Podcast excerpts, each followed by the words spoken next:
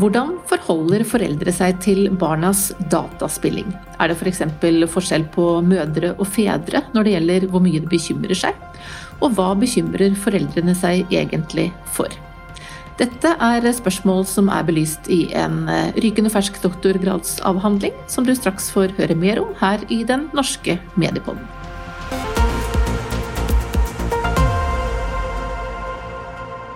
Velkommen eh, hit, Khalid Esat eh, Assam. Og jeg må jo først eh, fortelle at vi er tidligere kolleger. Du har jobbet hos oss i Medietilsynet, der du hadde ansvar bl.a. for vårt arbeid når det gjaldt barn, unge og dataspill. Men de siste par årene har du altså jobbet med en doktoravhandling nettopp om dataspill. Nærmere bestemt med utgangspunkt i foreldrenes bekymring. Så aller først, eh, gratulerer med doktorgrad. Tusen hjertelig takk. Du har jo ikke bare et eh, teoretisk eh, forhold til dataspill, du er også selv en gamer. Og hvor gammel var du, Kali, da du ble interessert i dataspill første gang? Jo, det har jeg faktisk tenkt på mye i det siste. fordi at jeg har begynt å tenke på dette med barn og spill. og sånn, og så har jeg, sånn, Et av mine første barndomsminner er interessant nok et uh, dataspillminne. Uh, og det, det, var første gang jeg så et spill. Jeg tror jeg var fire år gammel. og Da så jeg noen barn foran meg hjem til noen folk vi var på besøk hos, som spilte det jeg tror var Super Mario. da. Uh, jeg tror det gikk noen år før jeg fikk prøvd det, men cirka da jeg var sånn fem år. Da husker jeg at da spilte en del på Nintendo. Da, med, med, det var mer sånn familiegreier med søsken osv. Så, um, så da ble interessen vekket, på en måte, eller at den har holdt seg siden? Ja, men et, til å begynne med så var det bare en helt sånn normal sånn, alle, på, alle, kids på den alderen på den tida spilte, på sett og vis. Så det var ikke noe sånn eh, entusiasme over det helt gjennomsnittlige. Det kom ikke før jeg var rundt 13-14, tror jeg. Da begynte det liksom å bli en vesentlig del av livet mitt. da. Men hva slags forhold hadde dine foreldre til uh, spillingen din da du var uh, barn og ungdom? Det er ganske interessant. Jeg kan huske at uh, som barn, altså da jeg var fem, seks, sju, så spilte faktisk mine foreldre Nintendo med oss. De var jo ganske unge. De kom jo fra Gazastripa. Og de hadde en viss teknooptimistisk holdning. Eh, de har alltid hatt det. det var sånn Vi fikk datamaskin tidlig. Eh, for dem så var TV-en var veien til fremtiden og veien til verden osv. Eh, men når jeg ble litt eldre, så det har aldri vært noe snakk om noe sånn konkret regulering eller følge med. Eller så det har jo vært sånn, Man liker det ikke etter hvert, som det blir for mye. Um, ja, For det liksom ble litt for mye for deg også en periode, eller? Ja, ja, ja, det ble absolutt for mye for meg. For, altså, så, så det, var, det, var, ikke en sånn medieregulering sånn som vi tenker om det, med at nå skal vi lage grenser og spilletid og innhold. Det var ikke noe sånt. Det var mer sånn krangling når eller gå og gjør leksene dine osv. Men jeg, jeg, hadde jo en teknikk, husker jeg, for at mine foreldre syntes TV var helt fantastisk, uavhengig av innhold. omtrent. Så jeg hadde på, på mitt gutterom da jeg var sånn 16-17 år, TV-en bak meg, satt og spilte. Og så hvis jeg hørte i trappa at mor eller far på vei ned, så bare slo av eh, dataskjermen, snudde meg og så på TV-en. Det var, det var innafor. For TV var, var mer greit enn eh, en dataspill? Ja, TV var bra. Det var liksom, ja. For nettopp dette med foreldreperspektivet eh, er jo det vi hovedsak skal snakke om eh, i dag. For det er altså tema, eh, eller i hvert fall ett av temaene for din doktorgrad. Og først så kan vi jo ta noen få tall, for dataspill eller gaming er jo en fritidsaktivitet som veldig mange barn og unge i Norge driver med i dag. Tre av fire, eller 76% av 9-18-åringene spiller dataspill, viser Medietilsynets undersøkelse Barn og medier 2022.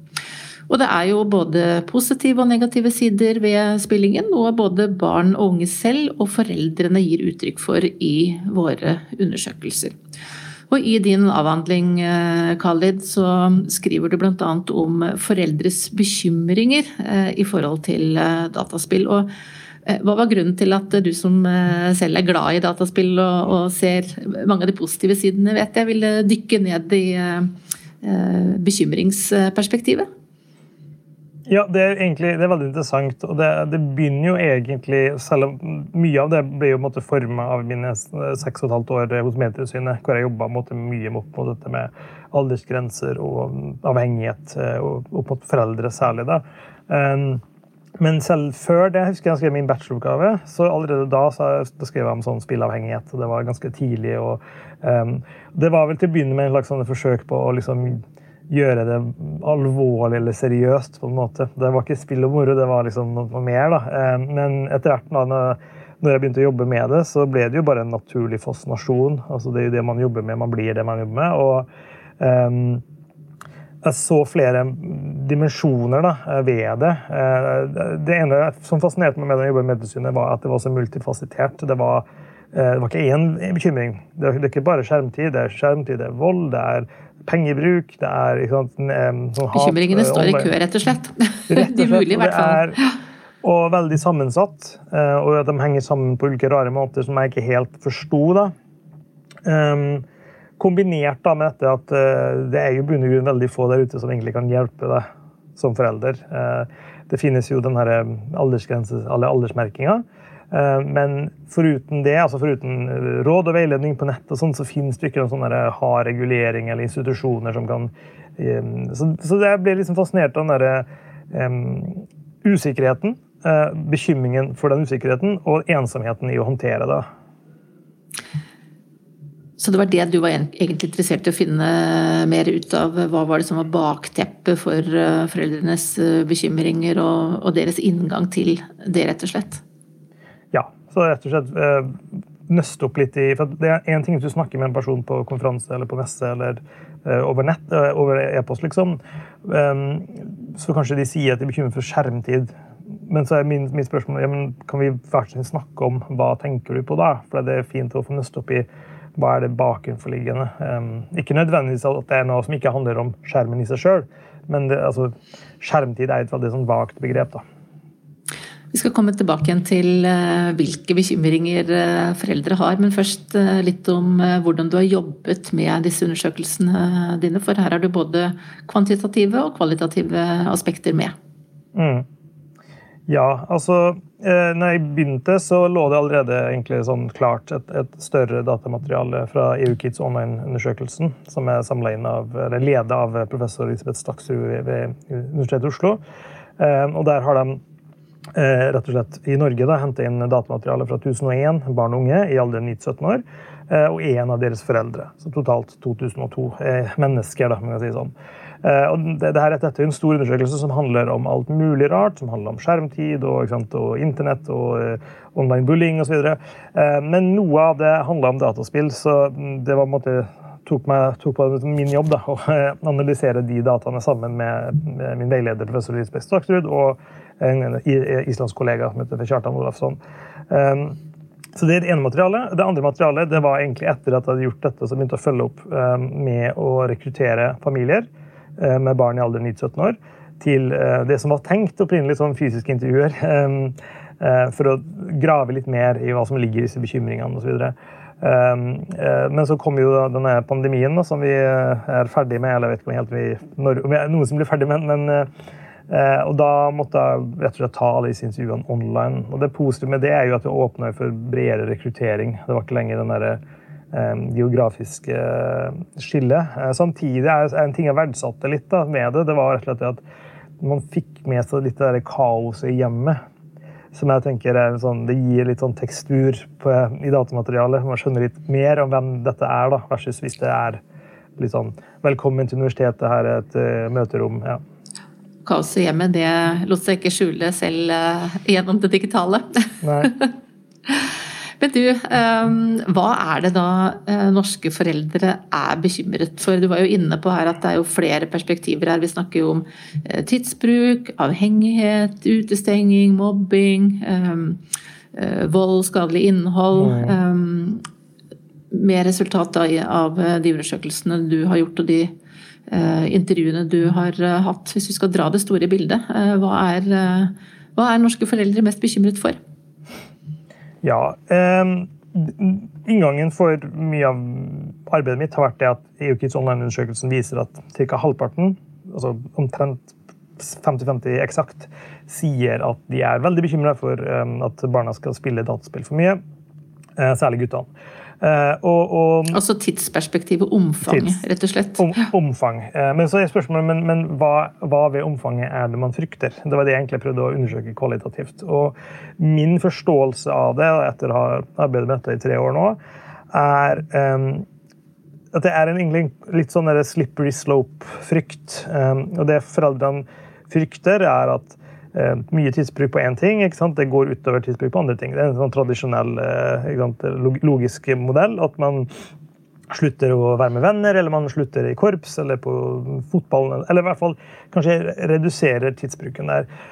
Men så er det sånn uh, at man også har en frykt for at det å redusere La oss si hvis jeg er litt mindre på fotballen, så vil det også kanskje gå Det går ut min fysiske sånn, treningsaktivitet osv. Men det går kanskje litt også utover en slags sosial kompetanse. Eh, litt utover drivet mitt. Eh, og da vil det kanskje også være litt sånn slitsomt å gå på andre arenaer, for at du begynner å bli litt sånn rusten. Og så gradvis vil én og én sånn, eh, domene i livet bare kollapse. Eh, og til slutt da, så vil det bare stå igjen med spillet. Eh, og da vil måtte, den der avhengigheten eh, lokke. Da. Så det, den, når jeg snakker med foreldre, den forklaringsmodellen er tolker da, ut fra det de sier, rett og slett. Da, at eh, når de sier skjermtid, så er det egentlig noe spesifikt der under. Eh, og det er rett og slett at man blir at man, eh, altså De er veldig opptatt av at barn skal ha avrunda, velrunda liv. Balanserte liv. Vi ser i motsatt til noen studier fra Sørøst-Asia. Der er det stort sett skole som kommer frem. Det er liksom, skole uansett, det, det er det viktigste. Det er det man vil at barnet skal være. Mens i Norge så er man mer sånn nei, man vil at det skal være litt av hvert. Kan ofre litt skole for å være litt med venner. og kan ofre litt med og så videre. Så, så en redsel for at eh, spillingen eh, At det skal bli bare spilling? rett og slett At andre ja. aktiviteter, sosialt samvær osv. Um, mm. At det blir mindre av det fordi det bare blir spilling. Det er det som er den største redselen og frykten. Ja, og, og, jeg tenker sånn kulturelt skal man tenke at i, kanskje i andre kulturer så er det sånn at hvis spillingen går ut ved la oss si, fotball eller venner, det er ikke så farlig for å gå ut av skolen. Mens i Norge så er alle disse dimensjonene ansett som viktige. Man vil ha liksom sånn, uh, balanserte barn da, som har flere ben å stå på.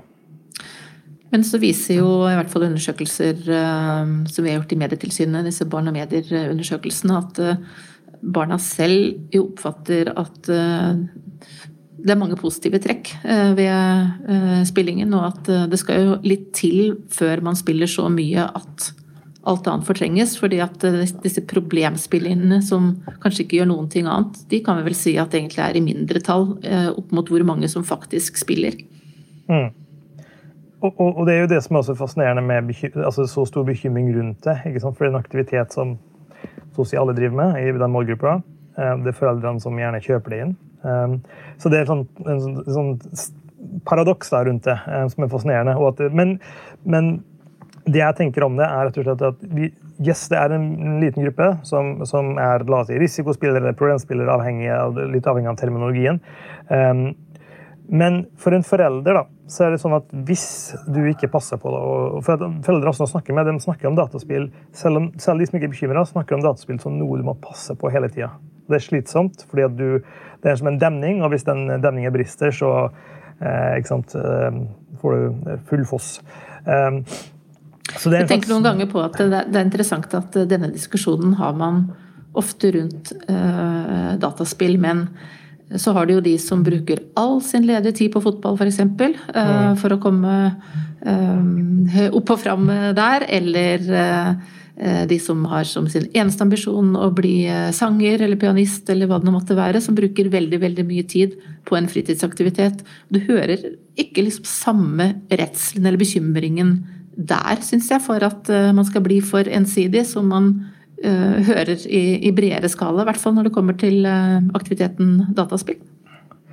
Det er et godt poeng akkurat med ensidighet. At, men det tenker jeg vel altså, Jeg personlig jeg er ikke veldig glad i den fotball versus spill-diskusjonen. For jeg tenker det her handler om langvarig etablert kultur, og vi kommer ikke unna det. At vi bor i et samfunn og vi har kultur, og kultur betyr noe. Og i tillegg så er det også etablerte, egen, altså, eh, etablerte måter hvordan du kan bygge en karriere på eller en CV på osv. Og, og vi vet at hvis du er en helt fantastisk pianist, så vil du imponere folk på julebord eller hva det måtte være, og du vil på en eller annen måte klare å få noe ut av det. Mens med, Mer enn hvis du er en fantastisk dataspiller, gamer. Enn så lenge, i hvert fall. Nettopp, ja, ja. Enn så lenge. Og samtidig så er det sånn å, en, å, bruke så mye tid på piano og være så god i piano, hvor mange prosent gjør det, versus hvor mange prosent som bruker veldig mye tid på dataspill. Det handler om altså, utfordring, altså sjeldenhet ja, Så jeg tenker det er komplisert og sammensatt og kulturelt i tillegg. Så har jo du også funnet ut at det er noen forskjeller mellom mødres og fedres tilnærming når det gjelder dette med bekymringer. og ja, ofte så er det vel vi mødre som blir beskyldt, beskyldt for å være mest eh, bekymret, men eh, din forskning den viser faktisk noe helt annet. Det er spennende, syns jeg, noe som du må fortelle litt mer om. Ja, det er veldig spennende. Det er også noe som bryter mye med, med, sier, med tidligere antakelser. Men ikke bare antakelser, men også mye tidligere forskning. Um, I sånn bekymringsverden så er det som regel måte, mor som blir satt på sånn, den bekymra. Vi, eh, i, den, I det datamaterialet EUKIDS Online, som er norsk datamateriale, så ser vi det at selv når vi kontrollerer for liksom, relevante variabler, så ser vi at fedre i større grad rapporterer å ha en bekymring for dette med dataspill eh, versus mor. Eh, og, og, det kan jo virke rart hvis dette bryter med all forskning. Og, og hvorfor, altså, er det noe feil med datamaterialet? Det første jeg vil si er at eh, det, det veldig positive med datamaterialet vi har brukt, er at det er ca. 50-50 fordeling på mødre og fedre. Det er veldig sjeldent eh, i barne- og medieforskning, også egentlig sånn foreldreforskning. Det har typisk vært sånn 80% mødre eller noe sånt. Og det vil jo selvfølgelig farge noe funnet. I tillegg, Norge er et, om ikke det mest, men kanskje blant de mest likestilte landene i verden. Så det kan også tenkes at på hjemmefronten, eh, selv om det fremdeles er kvinner som gjør mest eh, der, så at, man, at dataspill kanskje blir en sånn del som fedrene i større grad får får sin, i sin portefølje da, av, av oppgaver. Da. Ofte, I sin bekymringsportefølje? ja, eller og mm. oppfølgingsportefølje osv. For jeg ser jo også i mine kvalitative funn at um, det virker som at fedre i større grad har en slags organisk måte å håndtere det på. Det, mange av de har vokst opp med det sjøl. Um, alle har jo sånn sett i den, i den, jeg snakker med foreldre som var rundt 40 til 55 ca. De fleste hadde på en eller annen måte spilt eller vært rundt spill um, i oppveksten. Um, men Kan det handle da om ikke nødvendigvis at fedre er mer bekymret enn mødre, men at det er flere fedre enn mødre som i det hele tatt er engasjert i skråstrek, har et forhold til eh, barnas eh, gaming? Det, det kan det absolutt være. Eh, jeg utforsker også andre måte, forklaringsmodeller på det. og den, den, første jeg tenker på, det er at erfaring med spill Eh, betyr også negativ erfaring. Det betyr ikke bare at man har hatt det gøy og moro. og På samme måte som en far som har spilt, og som kanskje syntes det var kjempegøy, kanskje også husker at jeg gikk litt langt, og han, han ene han eh, droppet ut av videregående. Og, um, så jeg tenker at fedre kanskje i større grad også har en slags nærhet um, til det negative gjennom seg sjøl eller gjennom um, venner, nettverk osv. Um, i tillegg så ser jeg også, men det er igjen må si lite datamateriale, det kvalitative datamaterialet, men det er indikasjoner i hvert fall på at eh, mødre i større grad prøver å være litt mer sånn in tune da, med de her rådene som gis eh, om at liksom, spill med, engasjer deg, dataspill er kreativt, dataspill er morsomt. Um, så det virker som at mødrene i større grad er i en sånn dynamisk rolle hvor de kanskje syns det er litt vanskeligere å skulle Er det riktig å være bekymra, skal være ubekymra? Mens fedrene virker hvert fall de jeg snakker med, litt mer sånn De har et synspunkt, og sånn er det. Ehm, de var ikke like opptatt av å eh, passe overens med disse anbefalingene og rådene. Og i tillegg så virker det også som at mødre i større grad er de som på en måte får kjeft fra omgivelsene sine hvis barnet spiller feil spill eller spiller for lite eller for mye. eller hva det måtte være for noe. Da. Så at, eh, ja, Der kommer den der mangelen på liggestilling inn da, ved at det, er, eh, det, det, det går tilbake til mora. da. Fra Medietilsynets eh, undersøkelser så vet vi at det er ganske store forskjeller også i jenters og gutters spillevaner, mens ni av ti gutter mellom 9 og 18 år spiller dataspill, så gjelder det bare 6 av 10 jenter. Det er da tall fra Barn og medier 2022. Eh, og vi ser også at andelen jenter som spiller har gått betydelig ned eh, fra forrige undersøkelse eh, to år tidligere. Og i det arbeidet som du har gjort, Khalid, har du sett noen forskjeller i foreldrenes tilnærming eller bekymring ut fra barnas kjønn? Ja, absolutt. Eh, og jeg var på en måte, i utgangspunktet ikke noen som tenkte å være noen kjønnsforsker eller se på den dimensjonen, men jeg ble nødt til det for det var så fremtredende. I det kvantitative datamaterialet så hadde vi bare med kjønn egentlig som en sånn kontrollvariabel. Sånn, for at man vanligvis gjør det. Men vi så det at selv når vi sjekka ut alt mulig rart, så var hvorvidt det er en gutt eller en jente, hadde veldig mye å si på hvorvidt foreldrene er bekymra. Så det i bunn og grunn fant, det var at eh, foreldrene til en, eh, la oss si en gutt som spiller svært lite, altså en gang, to ganger i uka, korte seanser eh, det, det, Hans foreldre var mer, eller hadde større sannsynlighet for å bli bekymret for hans dataspilling enn ei jente som spilte sånn to-tre timer dagen. Og Det er jo veldig rart, for det virker som at altså spilletid har noe å si. Det hadde mest å si, spilletida. Men kjønn um, hadde også uh, svært mye å si.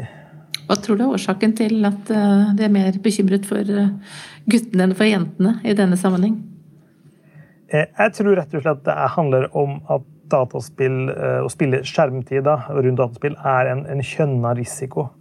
Jeg tror man kan dra tråden helt tilbake til sant, alkoholisme, narkotika, gambling typiske sånne der, det guttaboys som har slitt med det eh, i all, all, tid. Så det er liksom jeg tror det er så, så enkelt som det på en måte. Eh, også altså historisk med, og kulturelt, rett og slett? tenker du på det? Ja, jeg tror det, ja, det er guttene som har liksom typisk eh, slitt med den type problemer. da, Med overdreven bruk av rus osv. Men nå i dataspill, da, som, som, du pekte på, da, de her altså, det har vært sånn veldig lenge. og det er jo Eh, altså, begynner å bli mer likestilt enn det var før. Eh, så det har jo vært et guttemedium helt siden det kom. på eller i hvert fall sånn på 60-, 70-, 80-tallet. så Det er et guttemedium, som man forbinder det med guttene.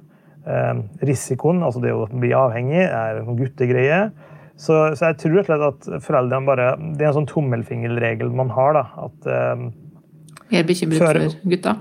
det er rett og slett bare føre-vare-prinsippet. At man mm. vet at det er guttene som sliter med det her, det er guttene som typisk driver med det osv. Så, videre. så da har du en gutt, vær på vakt, og så får vi, får vi se. Men jeg syns dette er interessant, fordi eh, igjen tilbake da, til eh, barn- og medieundersøkelsen, så viser den siste av våre undersøkelser at uh, jenter oftere enn gutter f.eks. sier at de uh, får stygge kommentarer uh, når de spiller mm. som Eh, som de, blir lei seg for, eh, rett og slett, som kan være ganske tøffe. Og vi vet også fra en del tidligere forskning at jenter er mer utsatt for trakassering i, i spill enn eh, gutter. Og burde ikke disse tingene egentlig tilsi at foreldrene burde være mer bekymret for jentene enn for guttene? Jo, og det kan, men det kan også være hvor man stiller spørsmålet. Altså, hvis man spør spesifikt om skjermtid, så vil jo kanskje folks tanker med en gang gå til ikke sant, fortrengning og, og, og, og, avhengighet. Så det kan være utfordringa her at man ikke har spurt om la oss si, uh, nettmobbing og sånn uh, trakassering osv. Men og noe av det kan jo være at det er en mangel av kjennskap til det, eller, eller, at det bare ses på som en sånn større del av hele online-miljøet. Ehm, men det er absolutt en utfordring med det her. Da, at Hvis guttene er, liksom får så laserfokus eh, at det blir en sånn blindsone da, hvor du har eh, jenter som enten er sårbare, eller som bare blir utsatt for ting de absolutt ikke skulle vært. Da. Og fordi at man bare tenker ja, men det er jenter, det går fint. Det, mm. Vi må også litt eh, innom dette med aldersgrenser. Det er jo et eh, tema man ikke kommer eh, utenom, heller ikke i, i dataspill. Og du har også sett litt på det i forbindelse med ditt doktorgradsarbeid. Hva fant du ut om hvordan familier forholder seg til dette med aldersgrenser på dataspill? Jo, ehm, jeg, jeg, gikk jo inn i dette med litt sånn eh, tanke om at for det, i hvert fall det, det PG-systemet, som er dette europeiske systemet, det skal jo måtte passe til liksom en nonne i, i, Portugal og en, eh, en For det er jo et europeisk system for aldersanbefalinger, bare i tilfelle noen som hører ja. på, ikke vet det. Mm. Mm. Og, og, det skal liksom passe for hele Europa. så Min tanke var at liksom, her kommer folk sikkert snakke om at det spillet fungerte ikke fordi det var for strengt, og det var for mildt. og det, Så det, det var litt den kulturelle om jeg var interessert i da, rett og slett å se fungere det her. Eh, men jeg ble faktisk veldig overraska. Eh, rent sånn praktisk sånn i hverdagen så virka det som at det var ganske uproblematisk. Folk kjente til det. Eh, de brukte det, men det er veldig viktig nyanse. Å bruke og følge er ikke det samme for meg, i hvert fall. For, Altså, man kan se på det, konsultere det og si jeg er uenig, eller jeg har, jeg har spilt dette spillet før, jeg vet at det her er tull. Men man konsulterte da I kombinasjon med type Barnevakten med tilsynet, eh, YouTube-videoer, googling osv. Så, videre. så det var én og flere informasjonskilder før man tok et valg. Eh, men så, var det selvfølgelig sånn at noen foreldre følte nesten slavisk, mens andre var, mm, stort sett ga beng i det, men de konsulterte det. Og så er det en viktig forskjell her eh, mellom dette med aldersgrenser for dataspill og f.eks. TV-program og, og, filmer, for der, er det jo satt konkrete aldersgrenser, mens for dataspill så er det anbefalinger. Eh, hvilke forskjeller gjør det, tenker du? Nei, Det var også en viktig dimensjon for meg å undersøke. for jeg, hadde, jeg, jeg, visste frem et, et, et, sånn ikon av et sånn PG. Så spurte liksom, kjenner, Jeg holdt over da der det står PG, og så spurte jeg kjenner du igjen det her, hva, hva kaller dere dette for? Og det vil jeg vite om de kalte for aldersmerking, aldersanbefaling, aldersgrense. ikke sant, den type nyanse. I tillegg så spurte jeg liksom, vet du hvem som står bak disse, vet du hvem som gjør denne jobben, um, osv. Og det jeg fant ut, var rett og slett at blant foreldrene, det var rundt 18, det var 18 foreldre, det var ingen som egentlig visste. Eh, men de var veldig villige til å komme med gjetninger eller antakelser. Og de fulgte ganske sånn bra De visste at det hadde noe med alder og grenser å gjøre, men ikke ja, sånn akkurat hva, hvordan? Nei, så, så, så, hvis jeg spurte, så var det sånn Er det sikkert, uh, sikkert noe sånn Medietilsynet eller Medierådet eller noen som sa nei, det er ikke noen EU-greier. Noen sa kanskje industrien. Eh, så, men det var ingen som med sikkerhet kunne si hva det var for noe. Eh, blant barn så var det halvparten som sa eh, det er de som lager spillene, og halvparten som bare sa jeg har ikke, jeg har ikke snøring. Um, og Det er interessant i seg sjøl, for det handler om hva slags antakelser vi har om regulering, og hvem som er ansvarlig for aldersgrenser osv. Min tanke er jo at i møte, la oss si et foreldremøte, hvis én forelder kommer inn så tenker dette er kjøpt og betalt til industrien, og den andre kommer inn og sier dette er staten Norge som har satt, så kan det jo oppstå konflikt når de skal krangle om hvorvidt denne tolvårsgrensen er riktig eller ikke riktig. Så, så, Det var jo det som jeg tenkte var veldig interessant. Og jeg så jo også veldig interessant at det var eh, veldig mye sånn forventa amerikanisering. Selv PG-systemet. For det var jo noen som snakka om Apple-systemet, som er på Apple sine plattformer. Deres aldersanbefalinger. Og, og, da er det jo på en måte amerikansk eh, på den måten. Men også PG-systemet ble av flere antatt eller tenkt å være amerikansk. Og det var særlig det her med nakenhet man visste. Eh, og jeg tenker jo at det har vært så mye fokus på dette med Facebook, Instagram. Eh, det var den Napalm Girl-episoden osv. med Erna Solberg og sånn som involverte seg. Så jeg tror det har skapt en slags forventning da, om at liksom, amerikanerne sitter der og prøver å påvirke kulturelt gjennom aldersgrenser osv. Selv om det er snakk om et europeisk aldersgrensesystem. Får bruke anledningen eh, nå da, til de som hører på som kanskje ikke er helt sikre, og forklare hva PG er og hvem som uh, står uh, bak. Khalid, du har jo vært involvert i det før i kraft av jobben din i Medietilsynet. Mm. Ja, altså Det er et system som ble etablert i 2003 um, av det som heter, heter ISFE, eller uh, Interactive Software Federation of Europe. så Det er egentlig bransjeorganet til spillindustrien og programvareindustrien i Europa. Eh, I dag så er PEGI, som det heter, Pan European Game Information, et selvstendig organ, på sett og vis, men det er i bunn og grunn oppretta av bransjen. Eh, dette ble gjort med EUs eh, e velsignelse. EU er veldig fans av dette. Det skal liksom samkjøre og harmonisere alle europeiske land.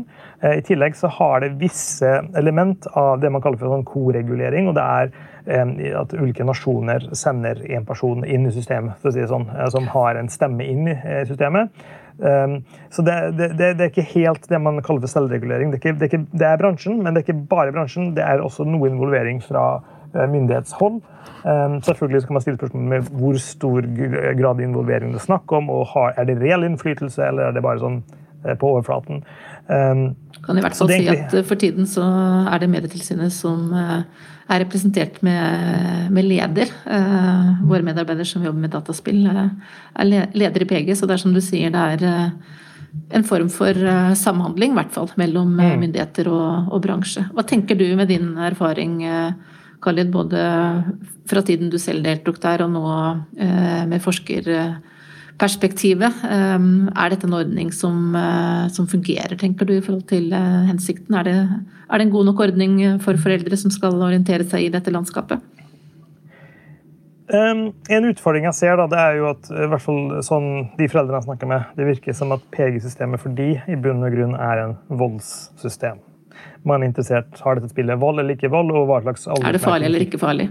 For barna? Ja, i bunn og mm. grunn. Og, og, og, og dette systemet gir jo egentlig aldersanbefaling på åtte ulike indika indikatorer. Sex og eh, kjøp i spill og osv. Men på en måte skal man si at foreldres hovedbekymring er tidsbruk. Dette systemet har ikke noe med tidsbruk å gjøre. Ehm, men det kan man jo spekulere rundt selger de det folk trenger. Da. og burde en sånn institusjon tatt få myndighet til å selge noe som var eh, så inngripende i folks liv? Ehm, men jeg tenker vel at utfordringa er vel kanskje i utgangspunktet at eh, det er ikke bare PG, det er Apple, det er GDPR, det er Netflix, det er Disney pluss, det er eh, Medietilsynets eller eh, norske adelstjenester på kino, på TV. Um, det er en jungel, uh, og i den jungelen så er det veldig vanskelig å navigere. Um, og jeg også skriver sjøl at liksom, det er ikke lenger så interessant eller relevant for foreldre å vite hvilket system som er hva. Det viktige er tallet på skjermen akkurat her og nå. Uh, man blir nødt til å bare redusere det til det du ser her og nå, for det er for mange systemer. Mm. Um, det er jo også så, noe som eh, vi fra Medietilsynets eh, side har eh, adressert, dette med betydningen av kanskje å, å, samordne mer råd og veiledning til foreldre også. fordi at vi ser også det i, i ulike undersøkelser som, som, vi har gjort. at Mange foreldre føler at de står litt sånn alene om den digitale oppdragerrollen, for å si det sånn. Og at de syns det er vanskelig å forholde seg til mange ulike instanser. Så mm. det er vel kanskje noe av det samme som du er inne på her. Mm. Men hvis vi skal eh, avrunde litt, eh, Khalid. Eh, du har jo redegjort for bekymringen da, til foreldre, at det er mange som, som er bekymret. Hva tenker du er, hva er liksom beskjeden din til foreldre som hører på, som kanskje kjenner seg litt igjen i, i det? Er foreldre mer bekymret enn de bør være? Er de bekymret for riktige ting, eller hva, hva vil du si? Mitt uh, for innskudd til hele den debatten der, det er egentlig at jeg tror at vi um, misdiagnostiserer uh, bekymring. Jeg tror mye av det vi kaller for bekymring, egentlig ikke er bekymring. Jeg tror Det, er, um, det kan være risikooppfatning. Det kan være en, en, rett og slett man er, man er ikke så veldig glad i, i dataspill eller digitale medier. altså holdninger. Um, det kan være mange, forskjellige ting, men litt sånn språklig så bare kaller vi bekymring. Jeg er bekymra, bekymra. Og det har en tendens da, til å skape sånne overskrifter med man er så bekymra og statistikken, alle er så bekymra osv. Fordi at gitt en undersøkelse hvor du skal svare på om du er bekymra eller ikke, så må man på en måte oversette de følelsene og tankene man har. Så jeg tenker det at man kan starte med kanskje er å sjekke litt sjøl. Altså, er jeg bekymra? Eller tenker jeg at dette kan være farlig? Eh, er jeg bekymra for noe som har skjedd, eller har det noe skjedd som har gjort meg bekymra, eller er jeg bekymra for det som kan skje i fremtiden? Konkretisere rett og slett sin egen tilnærming eller sin egen uh, ja, ja, bekymring, eller er det en bekymring faktisk, eller er det noe annet? Ja, det er litt den der å identifisere hva man egentlig tenker og føler rundt det. Det kan hende at man egentlig ikke er så bekymra. Altså, bekymring egentlig er jo sånn, liksom, det skal jo gå utover eh, nattesøvn og Redd for at noe eh, skal skje. Mm. Ja, og, og, vi tar jo det liksom eh, Men man bruker det veldig lettvint. og jeg bare tenker at man det som fort kan skje, er at det oppstår sånne kunstige fraksjoner da, mellom liksom, teknooptimister og teknopessimister, og basert på at man liksom, er bekymra, er ikke bekymra. Men det kan være så mange andre ting der. da. Det kan være holdningene, det kan være um, altså en risikooppfatning. Det sier at jeg vet at uh, taket over meg kan kollapse når som helst, men jeg går ikke rundt og er bekymra for det. det er, uh, så jeg tenker det at vi, For å få en bedre samfunnsdebatt rundt det her, særlig nå i det siste, når det handler om skjermtid, å rydde opp i hva er det vi er bekymra for, eller hva vi anser som negativt. Og, så videre, og er vi bekymra, eller er vi noe annet?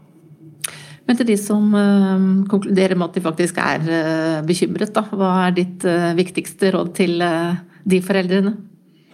Ja, basert på mine funn i hvert fall, av det som ser ut til å skulle fungere, og det er jo veldig vanskelig å få til, det er rett og slett enighet. Å prøve å bli enige med barn om regler, kjøreregler osv.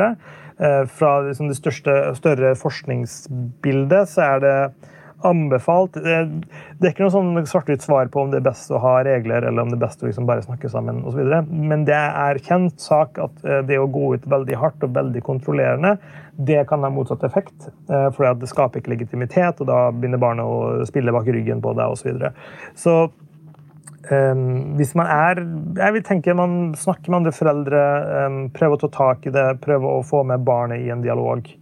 Um, enighet er i bunn og grunn det som kommer til å løse det. Det er selvfølgelig en veldig enkel ting på å si her. På dette som på veldig mange andre områder, faktisk, når det gjelder mm. relasjonen mellom barn og foreldre. Mm. Tusen takk for at du kom til den norske mediepodden, Khalid Essat Assam, som altså akkurat har tatt en doktorgrad som handler om foreldres bekymring for barnas dataspilling. Jeg heter Mari Welsand og er direktør i Medietilsynet, og takker for følget.